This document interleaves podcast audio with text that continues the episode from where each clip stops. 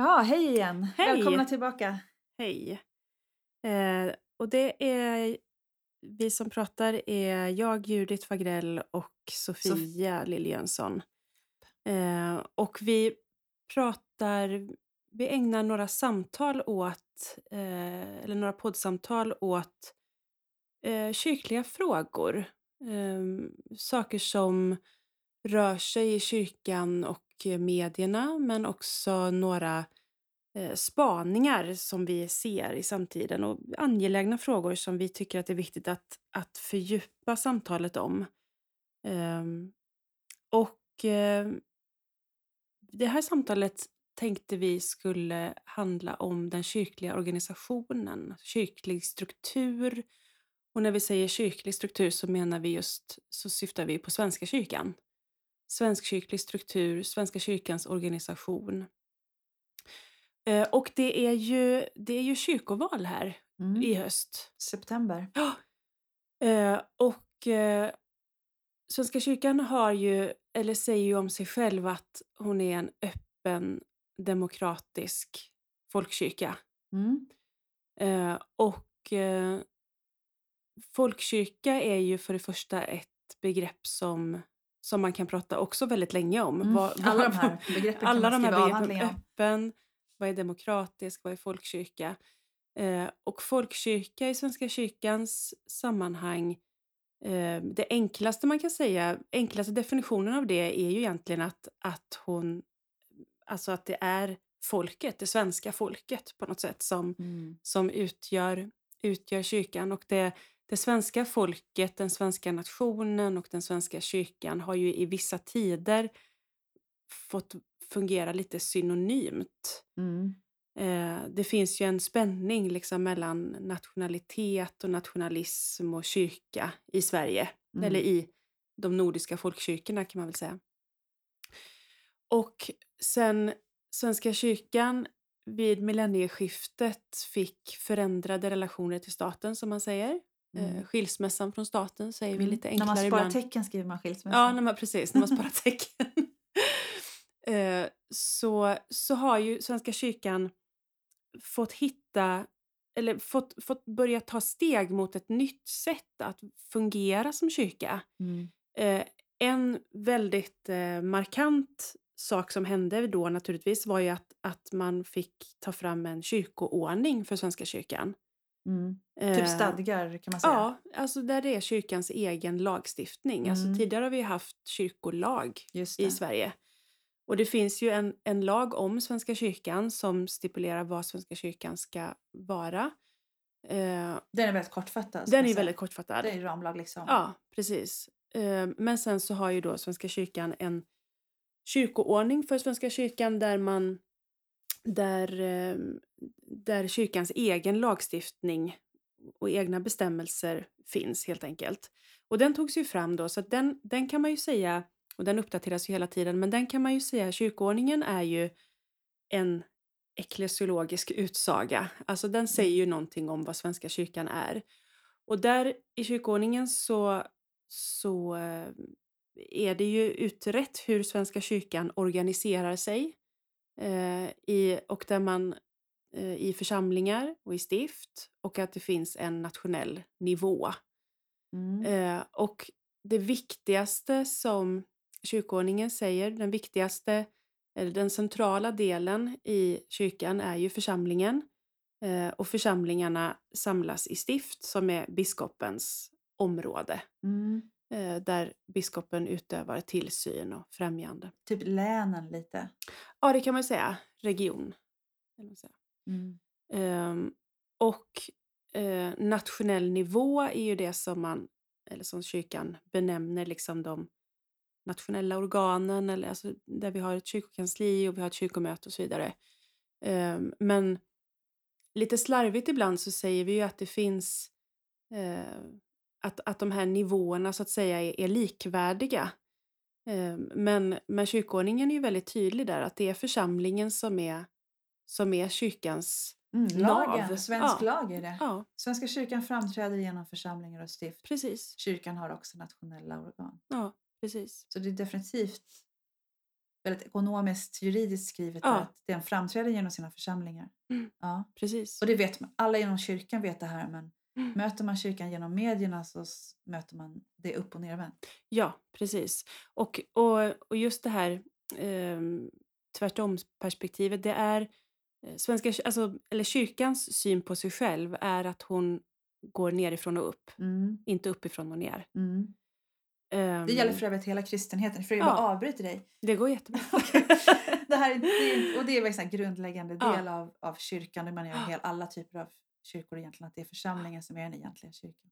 Och, och detta visar ju sig på olika sätt i olika kyrkotraditioner där de kongregationalistiska traditionerna, det vill säga där, där församlingen är helt och hållet självstyrande kan man säga.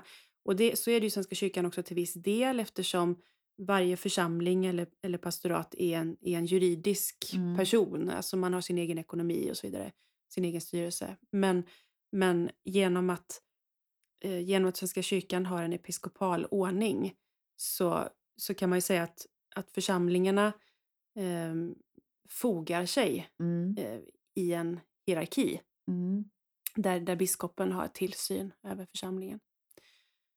Ehm, men, och sen så har ju Svenska kyrkan den ordningen med att, att hon har, förr sa man dubbla ansvarslinjen, eh, nu kallar man det för gemensamt ansvar. Eh, att man har förtroendevalda eh, och ämbetsbärare som, som har olika. Politiker och präster. Ja, kan man säga. Mm. Ehm, där man har olika roller i, i styrandet och ledandet av Svenska kyrkan i hennes församlingar och i stift och på nationell nivå. Eh, men man har olika roller men, men där det sammanfattas i att man har ett gemensamt ansvar. Så man är inte, man är inte motpoler. Det är inte, Nej. Eh, Man är inte motpoler liksom i en dragkamp. Utan jag brukar lik, dra liknelsen med att, att man går bredvid varandra, man går i armkrok. Mm. Liksom. Precis, Eh, för det ena kan aldrig ta över det andra. Nej. Båda kommer alltid finnas. Och eh, historiskt så det finns ju en, en ganska bra bild för det här relationen, hur man tänker att relationen mellan eh, förtroendevalda eh, och ämbetsbärare eller lekfolk och ämbetsbärare ska vara i kyrkan. Och det är ju att i våra medeltida sockenkyrkor mm, ja, i, i Sverige så hade vi ja, men med kyrkkistan. Där, där Mm. Pengar? ja, med pengarna Ja. och nattvardssilvret och sådär. Så till den så finns det, eller fanns det två nycklar. Mm, just det. Eh, och där kyrkoherden har en och kyrkvärden eller, ehm, har en. Och att man inte kan öppna den utan Man behöver, båda behöver två båda. behöver vara Mm. aktiva. Ja. Mm. båda ska vara liksom vrida om nyckeln. Och det, det där är en ganska fin, fin bild tycker jag. ja, verkligen. Är det här, jag tycker också den dub, dub, dubbla ansvarslinjen är ett väldigt vackert begrepp. Det är Mm. synd att det ska försvinna. Mm. Men ehm, kom det med reformationen? Det är egentligen i, i kyrkoordning, alltså nu, jag är inte rätt person att svara på det här egentligen, men det är egentligen i kyrkoordningen sen som, alltså sen eh, kyrkan frigjordes från staten där man liksom har kunnat formulera detta på ett, Mm. på ett tydligare sätt eller vad, alltså hur, hur den kyrkliga organisationen ska vara strukturerad. Men det är inte så att jag ställer frågan därför att det är inte så att eh, Svenska kyrkan för 40 år sedan politiserades och innan dess var den styrd bara av präster till exempel. Nej, Det har ju funnits i ja. många sekler. ja, Precis ja, som du absolut. säger, det här med de dubbla nycklarna. Oh ja. ehm, och, och där kan man väl säga att, att eh, man kan ju se detta i liturgin också, hur mycket lekmän och, och alltså hur den rörelsen har gått, alltså om lekmän har varit aktiva i liturgin eller inte. Alltså, det har ju varit en, en pendling genom seklerna men, men eh, alltså reformationen i Sverige var ju ett, ett i allra högsta grad eh, politiskt Mm. företag, så att Mm. säga. Där, ehm, och där, det är lätt att skylla allt på Gustav Vasa, men, men eh, präster och biskopar hade ju mycket makt att slåss om där också, så att säga. Mm. De hade egna Ehm. arméer på biskoparna på den tiden. Precis. Och ehm, nej men så att det är ju eh, det är ju ett, en, en symbios mellan stat och kyrka som man ändå som blir tydlig. Alltså som, det kan vi ju se, det är inte bara de senaste halva seklet eller så, utan det, det har ju återkommit eller funnits under... Ja, och även på liksom på 1800-talet att, Mm. att det är ett, ändå ett äldre samhälle Mm. som ändå inte är 1500-tal Mm. så har ju kyrkan inte bara varit kyrkoherden på orten utan eh, man har haft kyrkoråd liksom, Mm. tillsammans med de rikare männen, Mm. antar jag. Mm. Och det här med hur, hur kyrkan... eh, Alltså det, det, låter ju, det låter ju som en, en härlig vision det här med eh, alltså det gemensamma ansvaret och, eh, och, och det lekfolket tillsammans med, med ämbetsbärarna som, som, eh, som liksom ska gå i armkrok och liksom skutta Mm. fram och leda tillsammans.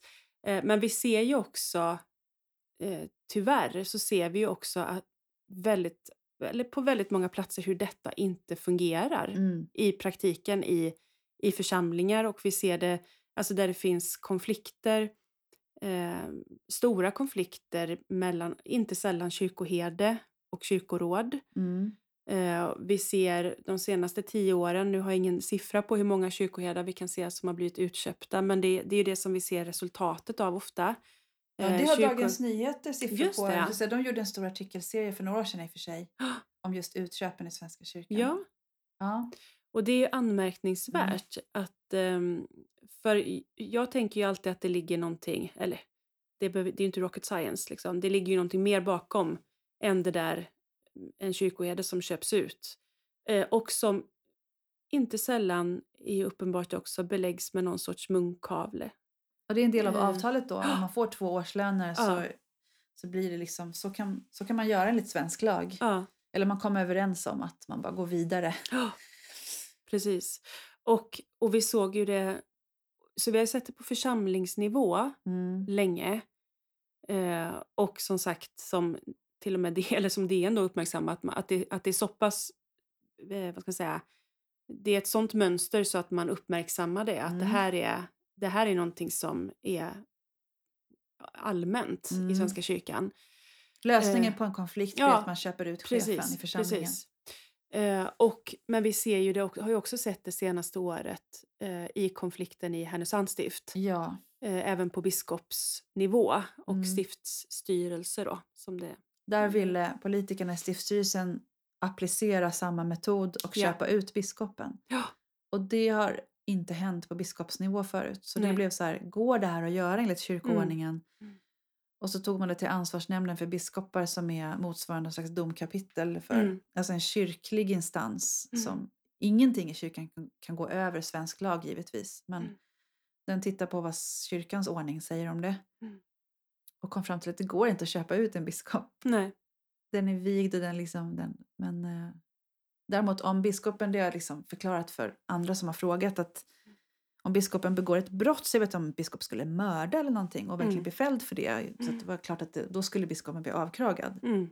Så att en biskop kan inte genom, den har inte diplomatisk eh, vad heter det? Immunitet. immunitet och kan Mm. göra precis vad som helst, absolut inte. Nej. Begår man ett liksom allvarligt brott då är man inte präst längre eller biskop. Nej. Det har inte hänt liksom, Nej. i modern tid. Men skulle det hända så skulle även de bli avkragade. Men de, blir inte av, de kan inte bli utköpta och avkragade bara för att en stiftstyrelse är oense med, Nej. med, med biskopen om riktningen som stiftet ska ta. Nej. Det gick inte. Nej, precis. Eh, och ehm, anledningen till att en kyrkoherde sitter i kyrkorådet, det är också lite intressant om man tittar på, så fungerar det ju heller inte i, i ett vanligt företag. Mm. Man ska säga att, att ehm, alltså man, om, man, om man säger att kyrkoherden är vd kan man ju säga då. Mm. Eh, då, brukar, kanske, då brukar inte vdn sitta i styrelsen. Eh, men så, kyrkoherden har ju en, en, eh, en självklar plats i kyrkorådet Och får rösta då. och får rösta. Ja. Ja. Eh, och kyrkorådet får inte sammanträda utan kyrkoherden. Nej. Eh, så, så det är också en speciell... Eh, det, det, en, det, det skiljer, ju ut, eh, skiljer ut kyrkans organisation mot andra företag om man säger så, som också är styrelse... Mm, eller andra typer av organisationer Ja, om man precis. jämför med... Jag vet inte, fast det är politiska partier. Nej, men det är inte riktigt samma sak. De är politiker allihopa då. Alltså Mm. ordföranden i Socialdemokraterna är Mm. partiordföranden. Den är ju inte någon sidogren. Och anledningen till att kyrkoherden har den rollen i kyrkorådet eller i församlingens styrelse eh, är ju för eh, att i det sammanhanget så är kyrkoherden biskop skulle man kunna säga. Alltså Mm. man, man representerar läran Mm. eh, och är på något sätt garanten för att kyrkorådet inte gör någonting som strider mot Svenska kyrkans trobekännelse och lära. Så att man, man är ju eh, Mm. biskopens förlängda arm på något sätt Mm. ut i församlingen. Ehm, så att där... Det som, det som i förstone kan, kan ses som ja, men det ultimata demokratiska eh, Delat ansvar. Ja, precis. ansvar. eh, så är det ändå så att, att ämbetet, alltså kyrkoherden eller biskopen till exempel, har ändå en särställning som Mm. inte går att rösta bort, så att säga.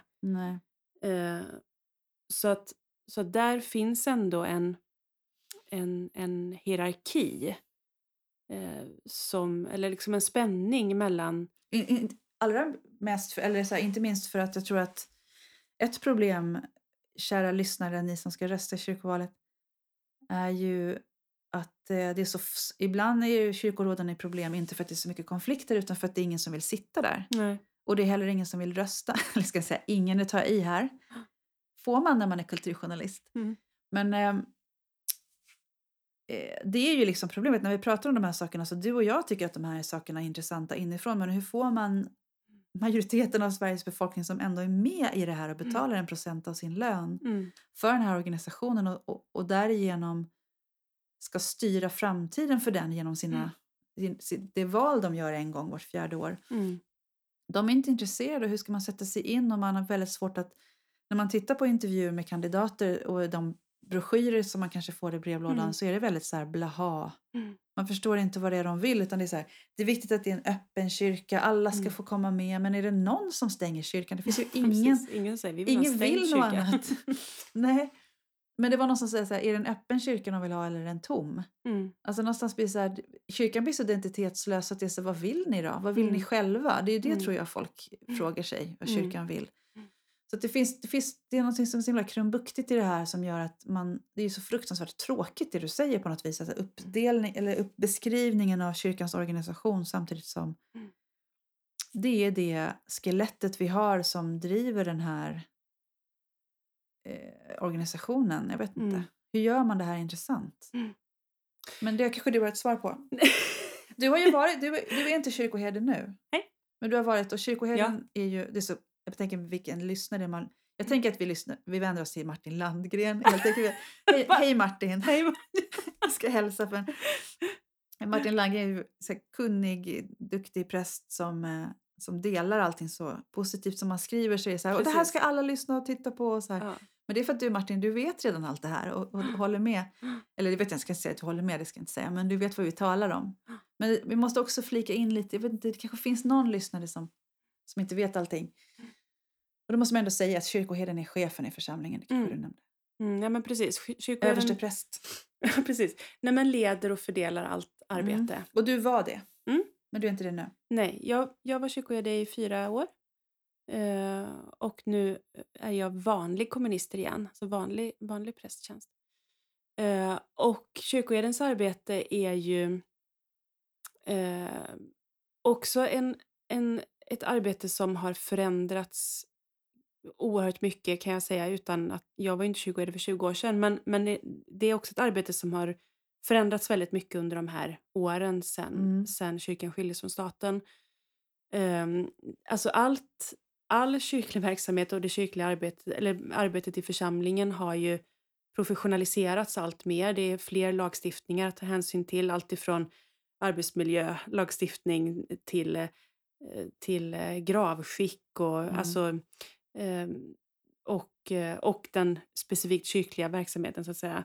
Så att det är ju någonting, det har professionaliserats allt mer.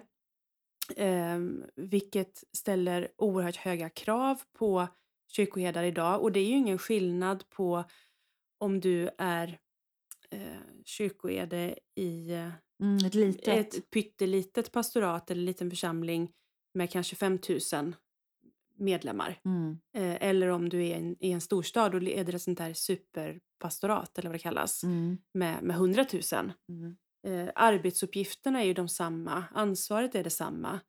Eh, skillnaden på en stor och liten församling är väl snarare så att kyrkoherden som leder det stora pastoratet har en stor mängd medarbetare som är experter och specialister.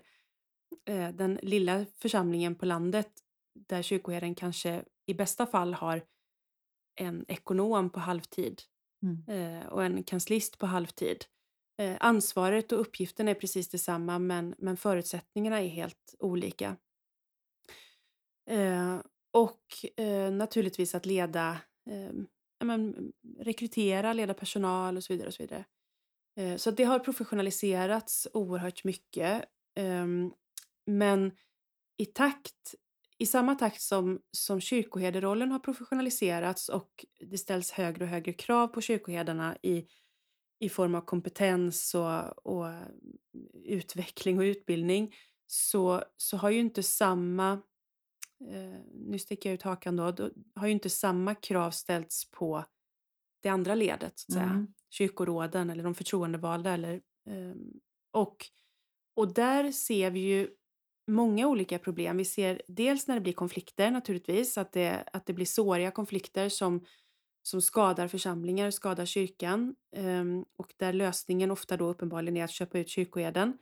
Mm. Eh, men vi ser det ännu mer vanligt förekommande skulle jag säga, det är ju den bristande kompetensen och faktiskt inte sällan det bristande intresset hos Mm. förtroendevalda för att göra jobbet på något sätt. Alltså det, ehm, det, det går ju an att tala om öppen kyrka inför, var fjärde år Mm. inför val. Men vad betyder det i praktiken i, i eh, den lilla församlingen? Mm. Eh, alltså hur omsätter vi det här, den här teologiska visionen till, till praktik? Och vilka...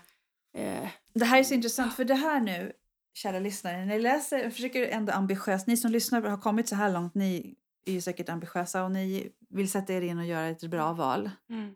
Och hur gör man det liksom? Alltså de som man Mm. väljer på är ofta inte så, folk är inte, det är svårt att få kandidater. Ja, det är jättesvårt att få kandidater och ehm, också antagligen för att kyrkan letar bara i sina egna led, eller på att säga. Alltså man, Mm. Särskilt på de små, på de mindre orterna så blir det att, att det blir liksom eh, eh, lite så här inbördes beundran, jag säga. Nej, men alltså att man, man går bara till de led som redan finns. Mm. Man har svårt att gå utanför boxen och i de, på de större i de större sammanhangen så är det ju ofta så att de politiska partierna är så starka eh, så att det är det som blir det styrande, att det eller nomineringsgrupperna ska jag säga. Mm. Ehm, så så det, det blir som en rävsax ofta för, för församlingar och för men för att svara på din fråga, så vad ska den enskilde som du ska gå och rösta här på, i kyrkovalet om, när det nu är. um, alltså det som, det som vi borde fråga, eller det som vi borde ställa våra förtroendevalda, våra kandidater, är ju alltså vad, hur tänker du arbeta för, eh, hur tänker ni kring, kring kyrkorna i vår församling? Mm. Eh, och, och liksom renovering av dem eller stänga dem eller öppna dem och varför ska vi göra det och hur ska vi fira våra gudstjänster? Alltså Mm. vilka kyrkor ska vi använda för våra gudstjänster? Hur, vad, vad finns det för personalpolitik? Hur tänker man kring an, anställda medarbetare? Hur tänker man kring ideella medarbetare? Men det gör vi ju väldigt, för det är ju precis de här frågorna som kyrkoråd sen sitter och beslutar om. Mm. Eh, öppna, stänga kyrkor, eh, renovera kyrkor eller inte, var ska vi förlägga vårt gudstjänstliv, eh, hur, hur ser det ut med rekryteringsmöjligheterna eh, eh bland anställda, eh, vad är det för kompetens som behövs eh, bland anställda, bland ideella medarbetare, eh, hur ska vi hantera den kyrkans pengar, den kyrkliga ekonomin, eh, att istället för att för de här lite då så här luddiga formuleringarna om öppna kyrkor och så vidare Mm. så, så behöver vi ju fråga oss vad behöver vi för kompetens i vår styrelse för att leda den här församlingen framåt. Mm. Alltså vilka, vilka människor eh, har gåvor att ge församlingen genom det här, det här sättet. Eh, och tyvärr när man inte gör den läxan, när man inte frågar sig, man kanske, ja men lätt att, man, man behöver eko, någon sorts ekonomisk kompetens. Mm. Ja, man måste förs- någon måste förstå ekonomi, kunna läsa en budget. Mm. Det kan inte bara ligga på kyrkor. Alltså någon mer måste kunna göra det. Eh, Det måste finnas teologisk kompetens. ehm, och, och representation Mm. liksom, i Ja, eh, unga, gamla och så vidare. Eh, men när man inte gör det så blir det också, då blir också kyrkoherden väldigt utlämnad ju Mm. i kyrkorådet och, och, och får allting i sitt knä. Mm. Ehm, och det ser jag som ett stort problem, inte minst efter fyra år som kyrkoherde, att vara så utlämnad. Ehm, Mm. Där den organisationen säger en sak, att vi går armkrok och vi har delat ansvar och gemensamt ansvar. Men sen så i praktiken så blir kyrkoherden väldigt utlämnad och det är också därför som kyrkoherden blir den som får gå Mm. när någonting sker. Det är den som kan gå också för att Ja.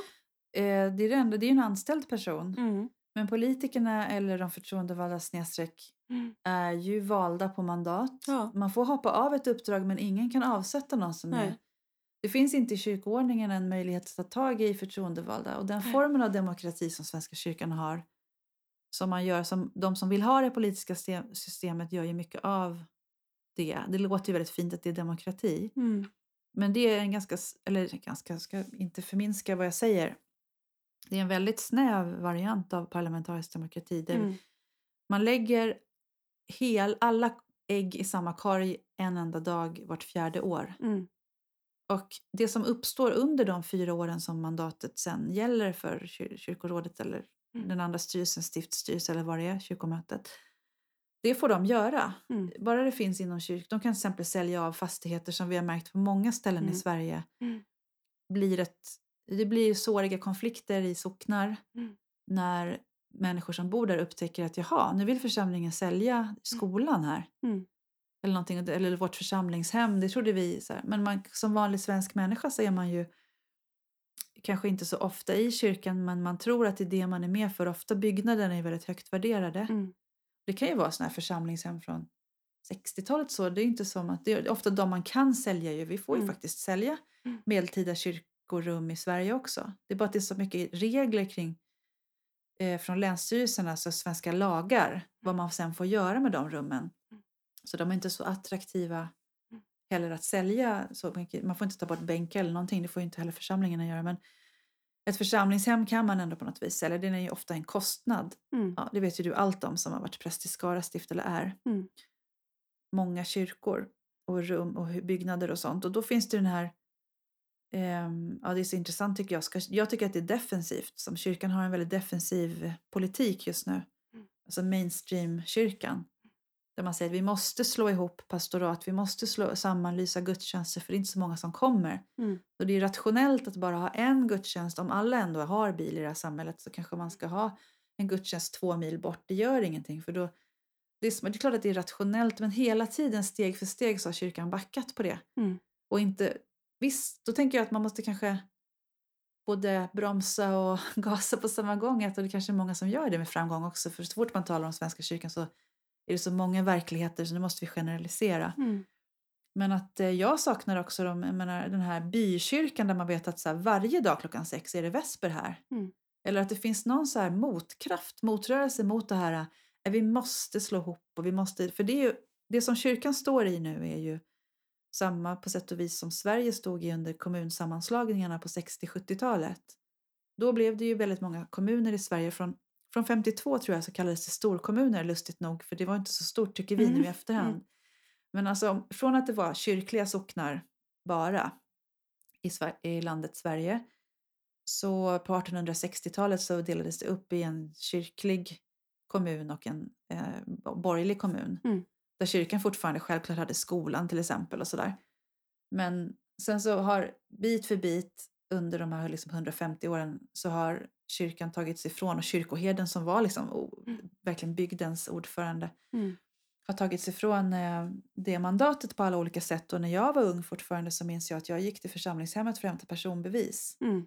Då var jag ändå så pass ung vuxen så att jag gick dit självständigt på 90-talet. Liksom. Mm. Så att, eh, men nu är det ju inte, har inte kyrkan folkbokföringen heller. Och det heter heller inte socknar längre i, i folkbokföringen utan det heter distrikt numera. För man är det är fortfarande samma indelning väldigt mycket. Mm. Men hembygdsföreningarna har fått ett undantag för det. Och sådär. För hembygdsrörelsen var så här, men det, måste, det blir alldeles konstigt i våra papper om det inte heter socknar. Liksom. Det där är jätteintressant. Jätteintressant, men det blir så här, plötsligt blir det politisk majoritet att det, nu ska det sekulariseras och då, ska Ja. inte, då heter det inte Huddinge socken längre, det heter Huddinge distrikt och så är det ändå samma sak. Så vårt kristna arv som är tusen år gammalt i det här landet är så här, nej nej, det ska vi liksom radera ut ur arkiven. Ja. Eller inte arkiven men de i de nuvarande dokumenten. Samtidigt som det ändå finns ju här. Vi heter, ju, vi heter ju kristna namn och det, fin- det finns ju på massa olika sätt. Om vi bara tar bort alla spåren av det så då får vi svårt att läsa vårt samhälle. Mm. Men det, det, det kommer säkert en backlash. Eller menar, vi är ju en liten spillra av den. I Mm. alla fall ännu. Men Mm. det är ett, det är ett misstag tror jag, på många olika sätt som, som har skett. Men jag tänker också att det där är också en, det, det kan man läsa som en, som faktiskt ett exempel på, som, som jag pratade om lite inledningsvis här, att, att kyrkans egen, om, om man ser till vad kyrkoordningen säger om Svenska kyrkan och, liksom, och kyrkans bild av sig själv, eller, alltså, eller när kyrkan talar om sig själv så talar hon om församling. Mm. Eh, alltså det är en nerifrån och upprörelse. Eh, en gräsrotsrörelse är det ju från allra första Mm. början. Kring, Lärjungarna. Ja, lärjungarna kring Jesus. Eh, och de höll ihop i hemmen. Eh, de första församlingarna är hemförsamlingar. Sen så börjar det växa. Mm. Och man, men, men man sluter sig... Alltså gemenskapen är hembaserad, vänbaserad. Mm. Den är, ja, den är gräsrotsbaserad från... Så är det, men sen har det gått 2000 år. Sen har det gått 2000 år. Och Svenska det, kyrkan har sina traditioner. Och det är där som är så klurigt. Om, vi, om du pratar om lekmän nu och jag, den rörelsen som du talar om i urkyrkan, att det finns liksom hembaserad, då, be, då är det en massa frimicklare här som lystrar för och säger åh härligt, precis, det är precis det vi har sagt hela tiden. Liksom. Och det är ju, det tror jag också på. Alltså någonstans känns det som att det här som du talar om nu med förtroendevalda kyrkoråd som inte lirar riktigt rätt, som har Ofta kanske de kan ha liksom 20 anställda på en ganska liten ort och Ja. låter det en viktig arbetsgivare på orten Oh ja. också. Eh, men samtidigt som har en i hög grad inkompetenta styrelser Mm. därför att dels finns det inte så mycket krav Mm. på dem och dels så är det svårt att få folk. Mm. Och så där. Det finns massa sådana här, vad gör man då i, i praktiken för att vända på det här? Då tänker jag att kyrkan har en lång väg att gå. Det går inte, Mm. att, det går inte med ett penndrag förändra Svenska kyrkans Nej. Att gå i rätt håll. Men det finns församlingar som, som gör det på ett annat sätt. Alltså det finns ju för- föregångare och det känns som att det är som gemen, nu är det här stadsmiljöer så det finns inte mycket folk att välja på men även i stadsmiljö kan det vara tomt i kyrkorna och sådär. Men då tänker jag på för tio år sedan så var det ju väldigt mycket hallå kring två församlingar i Stockholm. Mm. Eh, Allhelgonakyrkan, Mm. alltså inom Katarina församling på Mm. Söder. Och eh, eh, Klara Klara, kyrkan mitt mm. mot Centralen. Och de två är väldigt lika varandra i sin pastorala prägel. Mm. Fast de har olika teologi och Mm. olika slutsatser kring ganska radikala saker. Sånt som folk i allmänhet bryr sig Mm. om. Typ eh, homosexuella äktenskap. Mm. Till exempel. Där har man två olika syner på det. Men man har, det man har väldigt, väldigt mycket gemensamt är lekfolket. Mm. Så otroligt starka. De kan göra en telefonkedja eller hur man nu gör nu för tiden. Och så samlar de ihop en massa madrasser i Klara kyrka. För det kommer flyktingar Mm. Ikväll liksom med tåget Mm. och de kan ordna så att det kan man inte i alla församlingar för man Nej. har inte tillgång till människor. Man har inte byggt upp en, en församling av människor som jobbar frivilligt. Nej. Man har bara ett, ett gäng anställda. Och i all, allhelgonarörelsen är också väldigt, väldigt starkt lekmannadriven Mm. i sin verksamhet kan man säga. Ja. På olika sätt man också använder församlingen till att spela instrument i gudstjänsten och Mm. Man läser böner och man är den som har kristen undervisning, typ olika varianter av Mm. söndagsskola typ.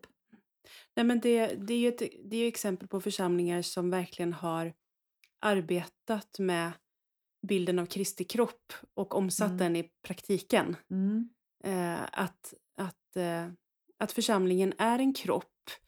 Eh, och, och en kropp, alltså bilden av församlingen i Nya Testamentet är ju liksom väl, de är ju organiska. Alltså det är en kropp och det, det är träd och det är vinstock och grenar. Alltså det är ju, Mm. det är ju levande bilder som förändras och som rör sig och eh, aldrig ser, in, inte ser likadana ut över tid och så vidare. Så att det är ju i de här bilderna, i de här symbolerna så, så är det ju liksom ingjutet eh, liv och rörelse. Mm. Eh, Kyrkan kan ju på det sättet aldrig stagnera i en fix organisation. Nej. Eh, den organisation och, och där tänker jag att där är vi ju inte minst i vår tid li, alltså lite för självgoda att vi menar oss ha hittat den ultimata Församlingsmodellen. ja, ultimata modellen för kristet liv och verksamhet. Liksom. Men om Svenska kyrkan skulle bli mer lekmannadriven om man tänker att ta en typexempel församling i Sverige. De finns ju mycket stadsmiljö. Nu bor både du och jag på landet så det ser man också framför Mm. sig. Mm. Ehm, men att man börjar aktivt mer söka upp. Om en val, nu har vi det valsystem vi har. Det skulle jag vilja bröts upp på ett Mm. annat på olika sätt. Men det kan vi kanske återkomma till. Men om man lyckas få till en valberedning där man faktiskt aktivt rekryterar. Vad behöver vi? Behöver ekonomisk kompetens hos åtminstone en person som kan läsa en budget. Mm. Vi behöver rekrytera in två ungdomar. Mm. Det är jag säker på att det är väldigt många som försöker. Mm. Men att man verkligen får dem att känna att så här, ni kommer inte bara sitta av tiden här med några gamla mögliga Mm. 70-talister. ni kommer liksom, ni får vara med. Och eh, om man lyckas med det, hur ska de sen göra den här kyrkan till en, eller den här församlingen till en levande sak i det Mm. samhälle som vi har idag? För det ska man ha klart för sig. Alltså när gudstjänst, alltså, vad heter det? jag kommer inte ihåg hur det formulerades i lagen, men alltså att plikten att gå i gudstjänst i Sverige, den försvann i början av 1800-talet. Mm. Det var väldigt länge sedan. Mm. Och det var också ihop med en urbanisering som när folk lämnade socknar så att det vände ju då. Från och med då så började ju städerna bli mer och mer, ja, mitten av 30-talet tror jag så, så blev städerna den mer typiska platsen för en svensk att bo på. Mm. Innan dess var det landet men Mm. urbaniseringen började ju där. Ja. Industrialiseringen. Men i och med att man inte behövde gå i kyrkan ända från början av 1800-talet så har det varit ganska tomt i kyrkorna länge. Det är ingenting som Mm. har kommit på senare tid. Åh nej. Åh, Och framförallt att man, människor på den tiden gick in i väckelsen istället. Så Ja. man, det var ju unga människor som spelade gitarr och Mm. dragharmonika. Mm. De hade, de hade väckelsemöten och sjöng Mm. eh, liksom, sånger av Lina, Lina Sandell. Mm. Och det var ju kritiken mot, mot statskyrkan eller den svenska kyrkan ehm, var ju den att eh, alltså man, det var ju, människor ville ju vara med och ta Mm. ansvar eh, och, och eh, få inflytande och dela på förkunnelsen så att säga. Det, det var ju Mm.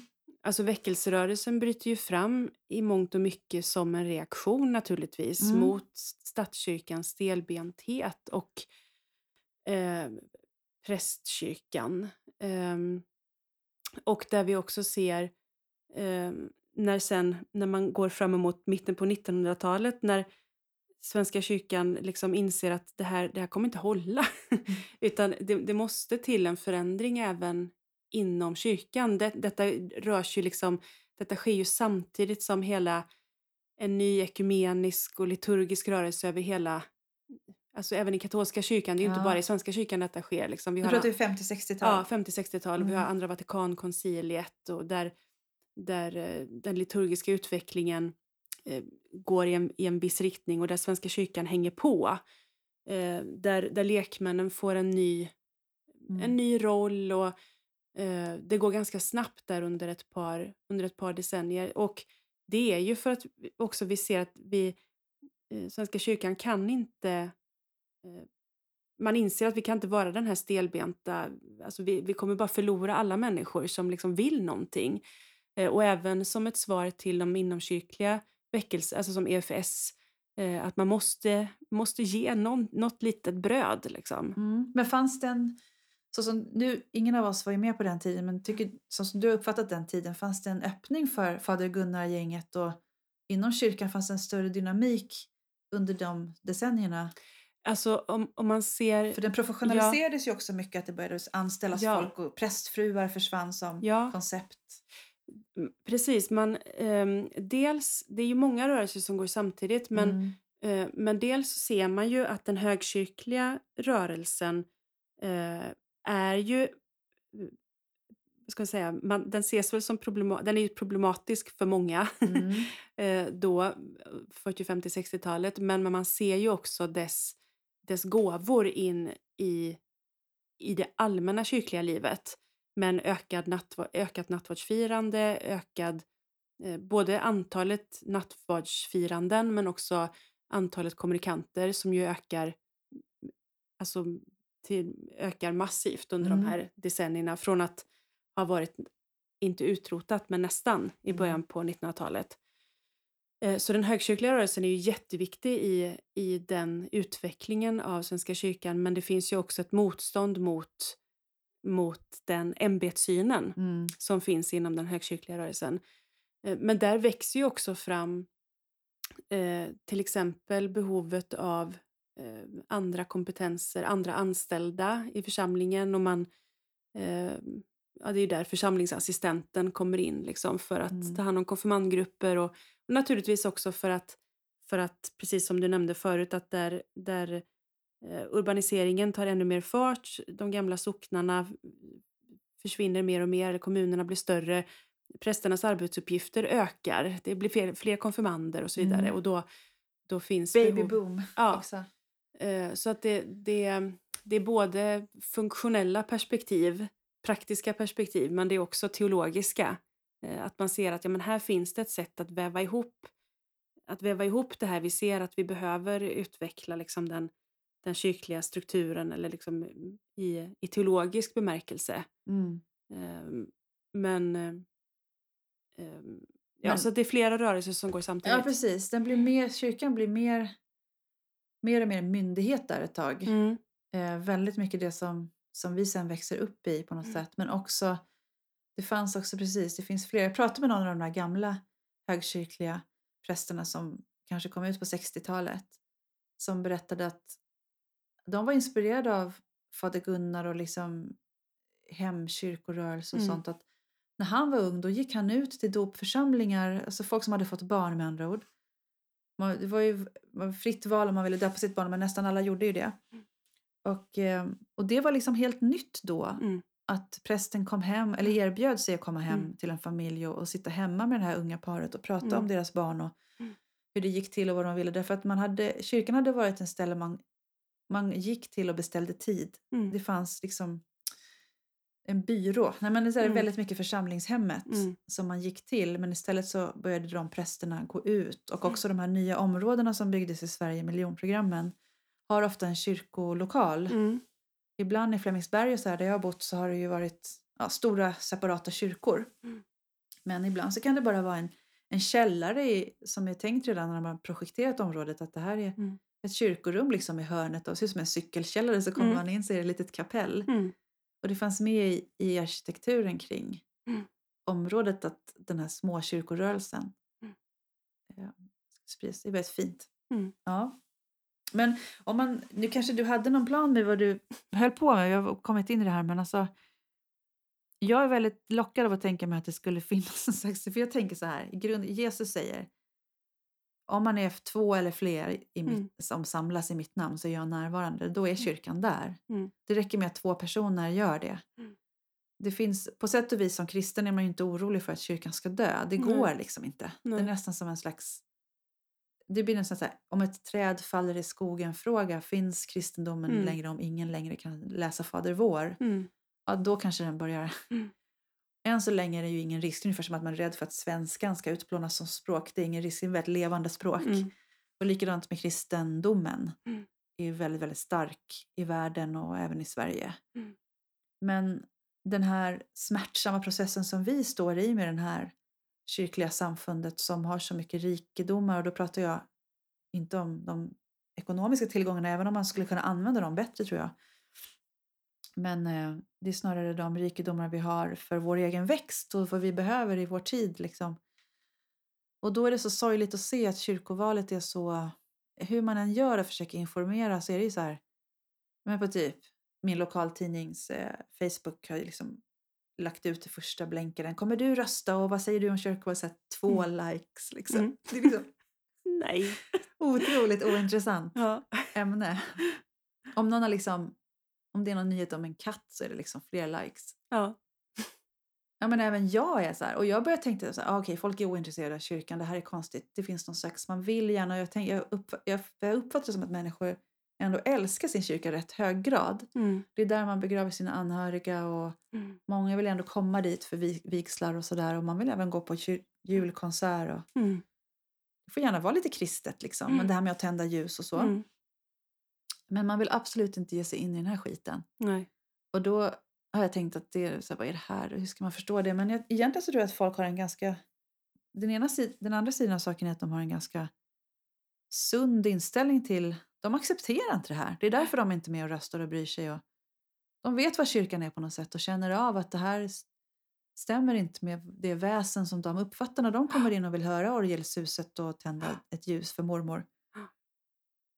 Då, det är egentligen en, en liksom sund protest mot att inte gå in i eh, politiseringen av den eller vad man ska säga. Politisering är också flera olika saker i en debatt så, så existerar ju det. Men... Nu, ursäkta mig alla som lyssnar, jag flummar ut otroligt mycket här. Hoppas ni gör Men, jag, och jag tänker att, att den... Eh, där har vi också sett exempel på att eh, den kyrkliga strukturen, eller kyrkan själv, eller Svenska kyrkan själv, har på något sätt velat, alltså ser allt det här. Mm. Vi, ser, vi ser självklart att, att det, vad är det, det är inte ens 2% som röstar. Jo, Eller? men det nej, var jo, nej, 12... nu sa jag fel, förlåt, 2% är gudstjänstfirare. Ja, precis. Jo, men det, det, men det var så här 12 till, Och sen så gick det till kanske 18 14. Ja, för precis. de härjade upp det. Just det, förra... Ja, ursäkta. Mm. så- Men precis, vad bra. att Fortfarande väldigt Mm. svagt mandat ju. Precis. Och ser man i de mindre församlingarna så... så alltså bara, nu har vi inte ens nämnt hur mycket det här valet kostar att Mm. administrera. Ja, hundratals miljoner. Eh, Ja, och det, i i en liten församling så kanske det då, om man då räknar upp, om det säger att det är mellan 10 och max 15 procent, så handlar det om kanske 200-250 personer. Kan det handla om i en Mm. liten församling.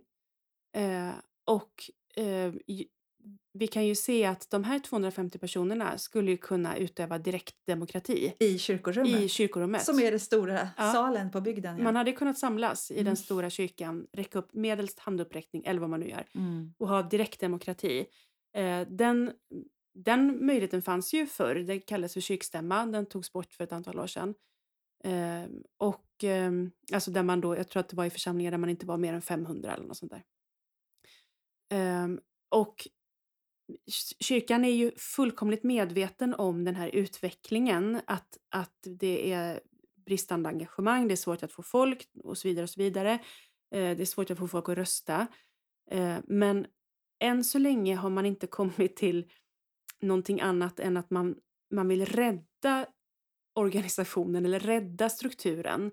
Eh, så att till exempel så ett sätt att, som jag läser det, att försöka rädda den här organisationen var ju att införa eh, indirekta val, alltså eh, så att du kan, säger jag rätt nu? Indirekta val till, eh, ja att man eh, tvärt emot eh, gräsrotsrörelseriktningen, Mm. alltså att, att du först Direkta är, val till, till riksdagsnivå. Ja, precis. Ja. Till, eh, Nation, precis som i riksdagsval eller de Ja. allmänna valen så är det Så på är det- tre nivåer. precis. Mm. Eh, så att istället för att, vilket jag tycker är naturligt, att bli vald på gräsrotsnivå i din Mm. lokala församling och sen så därifrån så väljer man sina representanter till Mm. stiftet och, Mm. och från stiftet till nationell nivå för att verkligen få de som är förankrade i en lokal församling Mm. ska vara de som fattar de stora avgörande besluten även på kyrkomötesnivå. Men så är det ju inte i Svenska kyrkan, Nej. utan du kan ju väljas till, till eh, kyrkomötesnivå eh, Mm. eller stift direkt in. Eh, och det, det kan inte jag läsa som någonting annat än att försöka rädda organisationen. Men precis, men det, det kom ju för 40 år sedan. Mm.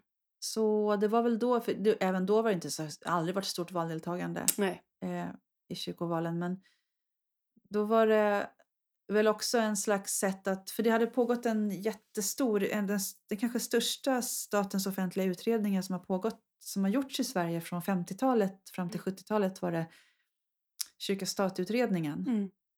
Som egentligen syftade till att separera kyrkan från staten. Mm. Det fanns en ganska stor enighet kring det. Biskoparna föreslog det redan på 20-talet. Mm. Mm. Då hade vi haft en annan sorts kyrka, en lite smalare, mer anglikansk modell kanske. Ja. Kanske det aldrig hade blivit kvinnliga präster eller så hade det blivit det fast på ett annat sätt. Mm. Eh, det hade sä- säkert kanske bara varit 20 procent, eller det blev en Mm. annan kyrka liksom på sätt men det blev inte det. Och så höll Socialdemokraterna på, det finns jättespännande beskrivet i det här, jag har också skrivit det i en artikel i tidningen Fokus som man kan söka upp på nätet, det ligger nog öppet den artikeln. Eh, alla som lyssnar på det här har redan läst den artikeln, men. Då så mm, då drog, de, insåg att om vi knoppar av kyrkan från staten nu inför 1976 eller vad det var, Mm, val, mm. Då är det, det är ungefär som att, säga, alltså, som att införa republik i Sverige. Det var Mm. liksom, folket hängde inte med på den Nej. kulturförändringen. Så att man insåg att vi kan inte, vi som har tittat på den här utredningen och är kyrkans ledare själva är överens om att vi vill ha en eget samfund men det var liksom för stort avbrott. Mm. Det är ju kanske Sveriges äldsta myndighet kan man väl argumentera för. Mm. Så då gjorde man inte det utan då skulle man bygga upp en egen kyrklig organisation. Mm. Och då blev det enligt den modellen. Mm. Ja, i alla Mm. fall som jag har hört det. Mm. Men det, he- det stämmer väl och det som man gör nu senaste åren är ju den här stora strukturförändringen de senaste tio åren som nästan inte alls är beskriven i medierna. Mm. Skäms nu redaktionschefer som inte lyssnar på det här Mm. för att ni är ointresserade av det här jätteviktiga saken som har hänt i kyrkan i Sverige de senaste tio åren. Att det är Mm. stora, stora sammanslagningar av Mm. församlingar och pastorat till, även i städerna, men det har blivit liksom, vilket innebär att det blir en kyrkoherde och ett styrelse där det kanske har varit 25 Mm. tidigare. Mm. Och det är också ett sätt att rädda därför att man får inte ihop folk. Mm. Och att då tänker man att om vi, om vi slår ihop hela Dalsland till en Mm. församling som det Mm. finns på lite så i tankestadiet. Mm. Då behöver vi bara samla ihop till ett kyrkoråd och en Mm. kyrkoherde. Men i praktiken så innebär ju det att det är väldigt långt geografiskt. Eh, Det kan innebära att man har socknar där ingen representant styrelsen, ingen bor där Mm. eh, av de som sen bestämmer över församlingens riktning. Så har det ju Mm. varit på Gotland. Mm. Och man har sålt också av en massa hus då. Mm. Det finns inte samma liksom, det är verkligen, det centraliserar och det förändrar lite grann idén om underifrån. Eller det, det skapar större enheter under. Mm. Men det, det är möjligt att då säger, det man hör är att ja, men det måste vara så, det är nödvändig utveckling. Vad gör man då när man liksom inte hittar ens representanter till ett kyrkoråd på en Mm. liten plats? Det här är en fråga till dig egentligen. Mm. Och går det här att kom- så är det så här, okej, en vi får både gasa och bromsa. Det här kanske kan ske ett tag. Mm. Mm. Men vi kanske måste skriva in i kyrkoordningen att det här, kan, det här är reversibelt. Alltså, Det Mm. här gäller bara tio år nu, den här förändringen. Eller något. Jag vet inte, det går inte att bygga upp så. Men Mm. Samtidigt som vi också jobbar aktivt med lekmannaledda andakter. Vi börjar bygga liksom superlokalt. Så att det inte bara blir de anställda på en centralort som åker ut med sina bilar och, och låser upp dörren fem minuter innan Mm. gudstjänsten och sen sticker. Mm. För det har jag varit med om ganska mycket. Mm. Eh, och det är inte en kyrka som jag ens vill vara med i. Nej, och, och den, den medvetenheten finns ju i, självklart i många församlingar och man, man diskuterar mycket liksom, eh, ja, men ideellt medarbetarskap och så vidare. Men, men, men tyvärr när församlingen manifesteras alltså i, i, eh, i media eller liksom, alltså när, eh, i sociala medier när församlingen säger någonting om sig själv så är det ju tyvärr fortfarande Alltså om, om, om prästkyrkan var det stora kritikobjektet eh, objektet för hundra år sedan så är ju inte prästkyrkan, utan idag är det arbetslagskyrkan. liksom arbetslaget, församlingens arbetslag har ersatt eh, prästfokuseringen. Mm. Eh, och, och församlingens arbetslag är, är församlingens vi på något sätt. Och det finns ju många som har eh, beskrivit detta liksom, även i forskningsvärlden, alltså vi, eh, de senaste tio åren.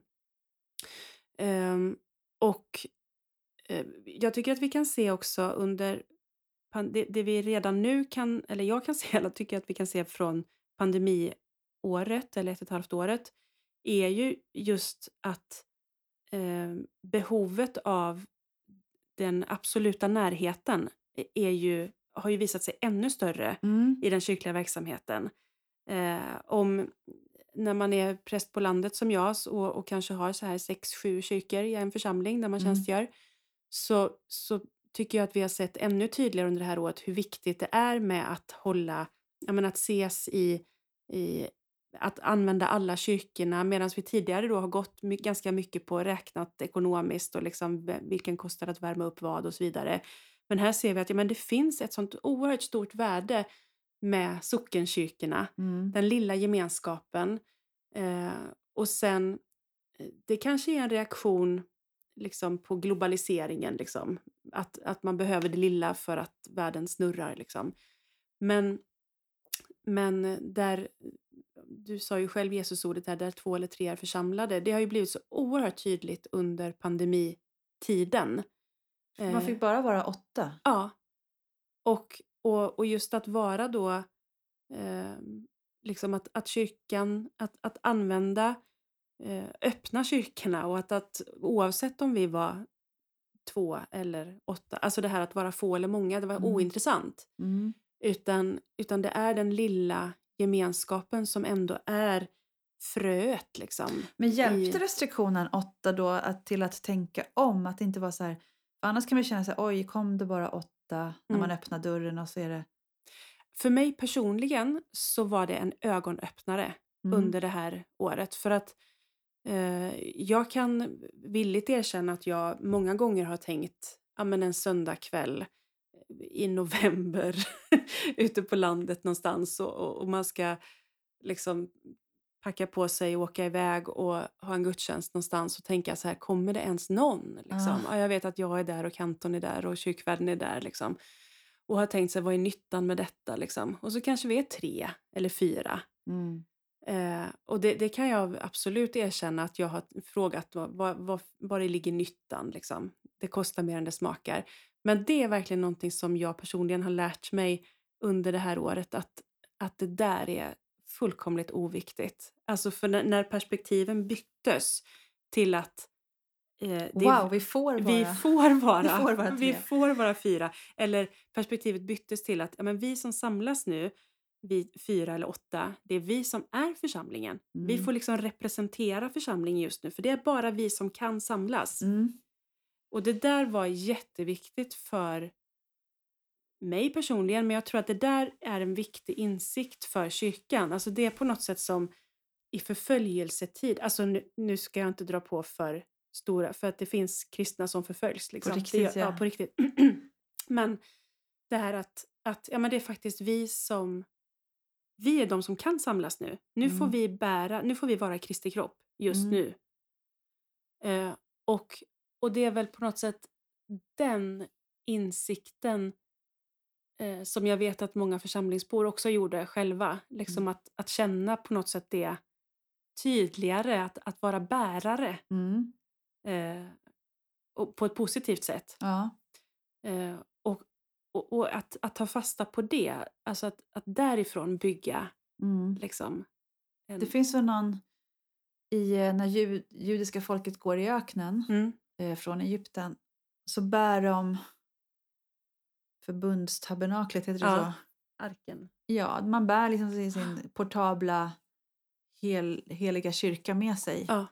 genom öknen på något sätt. Och då är det just där, just då, så är det de som har det där koncentratet av helighet som Ja. de bär på. Men för det, när det säger att det kostar mycket att åka iväg den där novemberkvällen och så är det liksom en massa anställda, då är det är en ekonomisk fråga. Men jag tänker också att det kostar mycket att om man är en av de två, eller ja, Mm. man kan ha en funktion också, men säg att, Mm. att jag skulle komma då som inte har en funktion i kyrkan Mm. utan jag är det heter inte besökare, gudstjänstfirare. Mm. Det kostar mycket känslomässigt. Ja. Det är ju nästan det värre. Jag har också, det var en församling som jag var med i ganska mycket där man märkte att vaktmästaren hade det ganska tufft som var också ganska ung. Mm. Att jobba i kyrkan och känna liksom att ah, inte vara troende, det är jättemånga som inte är troende som jobbar i kyrkan. Det var inte han heller. Men han var liksom svenskt intresserad av kyrkan ändå. Mm. Och gillade liksom att alla de här gamla grejerna och det hade med socknen att göra, det fanns rötter i det. Men det var väldigt smärtsamt. Det är tungt att bära att jobba någonstans där folk, alla ens generationskamrater typ har gått ur. För Mm. de tänker vad är det här för något? Och så sparar Mm. de pengar. Och så är det nästan aldrig någon där och det känns som det är så himla tungt att bära det. Det är som ett kors man får bära nästan om man ska representera någon slags... Mm. Det ser ut som en döende Mm. verksamhet och nu fick ni en glödbädd istället Mm. under ett år där det var så här varje människa som får samlas under den här farsoten är liksom ett heligt möte. Mm. Och det är det ju alltid. Ja, Men att det fick, precis. fick så här fokus. Mm. Precis. Eh, men så är det ju verkligen, man måste försöka tro på det där lilla mötet men det är klart att det innebär ju andra saker men rent liturgiskt skulle jag kunna tänka mig ibland att de här byggnaderna vi har att, och det är också osvenskt, man vill gärna, kommer man fem personer, man- man sprider ut sig. Mm. Jag vet inte ifall du gör det ibland som, Mm. som präst att säga så här, kom och sätt, alla sätter oss i ring i koret. Mm. Händer det att ni bygger sådana? Ja, Vad säger de som kommer då? Vill de vara med på det? inte alla. De vill sitta i bänkarna Ja. ändå. Ja, en del, en del tycker ju att det är jätteskönt liksom att ja, men kom här nu, att, att, att, att känna gemenskapen rent fysiskt. Liksom. Mm. Eh, andra är ju också sådär att man vill, det, det, det ligger mycket symbolik i det, liksom placeringen. Alltså var man sätter sig och liksom hur är- jag fri liksom. Ja, Mm. och precis det ska man respektera. När jag kom, kom in i kyrkan igen efter att ha kommit till tro kan man säga, det var väl lite så här, både liksom en blixterfarenhet men också en väg in i själva kyrkan. Då var jag 30. Så, så. Då hade jag gått i ett år kanske gått in, slunkit in i kyrkan lite grann och tänt något ljus och suttit lite och sådär. Mm. Men sen när jag började gå i gudstjänst igen, då tog det ett år innan jag tog nattvarden. Se- Senaste gången innan dess var ju när jag konfirmerades. Mm. Så det får man komma ihåg att det är inte alla som bara kastar sig fram och tar brödet och vinet. Nej. Utan man, jag satt verkligen längst bak och ville bara lyssna. Mm. Det var så värdefullt just då att få för, liksom, höra. Allting var så vackert. Här böner och salmer och Mm. så att man, det är också fint med kyrkan att man kan få sitta längst bak och Mm. inte delta. Det är sant. Mm. Att det inte blir bara så här. Ja, men alla ska bara sätta sig i ringen och sådär. Ja. Men jag, man får väl försöka vara lyhörd där när man bygger en gudstjänst. Men, Mm. men att lite så utgå ifrån de små sammanhangen, absolut. Men vad skulle det innebära för en församling i praktiken om man har sju kyrkor? Jag menar, innebar det att du fick re- resa mer nu under det här året till fler men färre deltagare? Dels, eh, dels det, fler gudstjänster, färre deltagare, men, men också att i praktiken se så att, ja men vilka är vi då? Om vi nu ser att det är viktigt till exempel att, att eh, hålla våra sockenkyrkor öppna liksom, med någon sorts regelbundenhet, Mm. fira gudstjänst. Eh, och regelbundenhet, där, går, där är min erfarenhet att det absoluta smärtgränsen är ju var fjärde vecka. Sen kan man inte tala om regelbundenhet liksom, mer. Ehm, och eh, att se så att, ja men vad, vad, finns det för, vad finns det för människor kring respektive kyrka? Som, som, ja men där kom några som sa att, ja men vi vill få igång det här med helgmålsböner. Vi är en grupp på fem. Vi tar Mm. ansvar för det. Just det. Eh, just för, för vikten av att samlas i kyrkan. Liksom, eh, och samlas tillsammans i, i den här kyrkan som man då dessutom ofta känner så oerhört, eller har så starka känslomässiga band till. På en ort kanske, eller en socken där man kanske har bott i generationer och så vidare. Som ju många har. Eh, så, så ett uppvärderande av de små, små grupperna som, och det är ju på många sätt ett tvärtomtänkande mot hur, hur liksom, kulturen har varit de senaste 15 åren liksom, med sammanläggningar till större enheter och så vidare. Eh, att, att göra tvärtom. Mm. Och I det, som ändå, den stora Ja. strömmen som, det går inte helt att stoppa den just nu, men Nej. i det bygga det lilla tvärtom. Ja.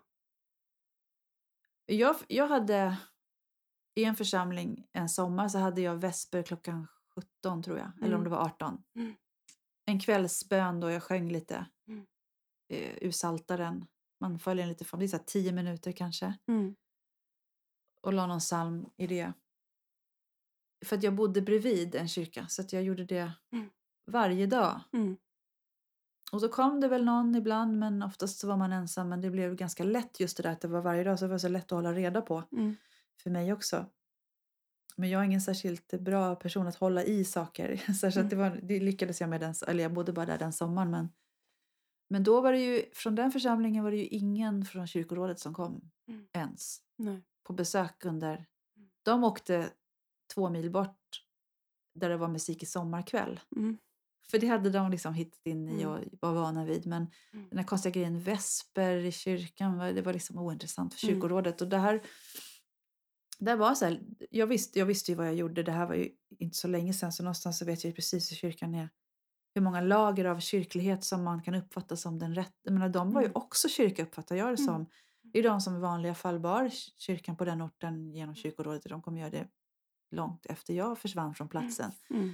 Så att min form av väldigt så här, ganska teologiskt kunnig och kan sjunga och allt möjligt. Jag Mm. menar inte att den ska så här, slå ut all annan form av kyrklighet. Men det är någonting som Svenska kyrkan har, de här tidslagren och Mm. sätten att forma. Men det säger någonting om att jag försökte ändå skapa en lekmannagemenskap men inte någon förtroendevald kom under hela sommaren. Det fanns gott om tillfällen att välja på. Mm.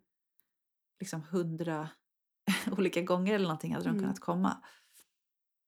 Ehm, Och där ligger på något sätt inbyggt en av Svenska kyrkans svårigheter att eh, alltså det här producent, konsument, alltså att, att vi har ett på något sätt, ja men det där, det där sköter prästen eller det där sköter liksom du när du håller den här vespen. Då håller, alltså att jag inte behöver ta del i det, alltså att, att ehm, vi vi har inte, hur mycket vi än talar om demokratis, demokrati och folkkyrka så har vi inte eh, jobbat tillräckligt mycket med kroppsteologin.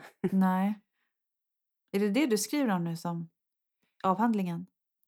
Vet- Eller ja, jag- magisteruppsatsen? Ja, jag, eh, jag eh, sysslar med eh, den perioden, eller liksom eh, 50, 60, 70-talet. Jaha, Eh, spännande. just med demokratiseringsprocessen liturgiskt och, och sådär. Aha, vilken, jag älskar den perioden. Jag sysslar med Bergman. Precis. Men du Sofia, jag tror att eh, Ska vi vi släppa ska det här släppa det här samtalet. Jag hade mycket mer att säga. Men Jag med, får men jag tror- tillfälle. Vi Men var det så, jag får bara fråga ifall det var du tänkte, för jag tänker det är så intressant att vi började i någon slags diskussion om eh, hur kyrkan är strukturerad och det blir så här riksmöte och allting och så vill man ändå så dra det mot, vilket jag tror är det friska vattnet, eh, till hur, vad är en församling och Ja. hur skulle det kunna vara? För det enda sättet att förändra den här eh, i stora drag döda organisationen, alltså nu pratar inte jag om människor utan själva Mm. organisationsformen. mm, I Bibeln så talar ju Jesus, eller om det är Johannes, Jesus är det väl, om att slänga döda vinstockar på, mm, på elden. Mm, Att när det inte fungerar, jag måste liksom, vetekornets lag är, eller det är för, det är för ett levande frö, men i alla fall, man måste ta bort det som inte fungerar på något vis, att börja, börja Mm. bygga nytt. Och Mm. i det som nu är, Mm. eh, att det som ska växa är på något vis, där finns det möjligheter. Även i vår tid måste det finnas möjligheter. ja. Vi kan Absolut. inte skylla på urbanisering och på... Nej. Liksom, vi är ju människor, vi är ju fler nu i Sverige än vi har varit. Mm, Och kyrkan har också stora resurser rent ekonomiskt. Det Mm. skulle gå liksom. mm. Och gud vad intressant. Vi Ja, återkommer om vi detta. återkommer i ärendet. Mm, tack så mycket för att ni lyssnade. Ja, tack, tack.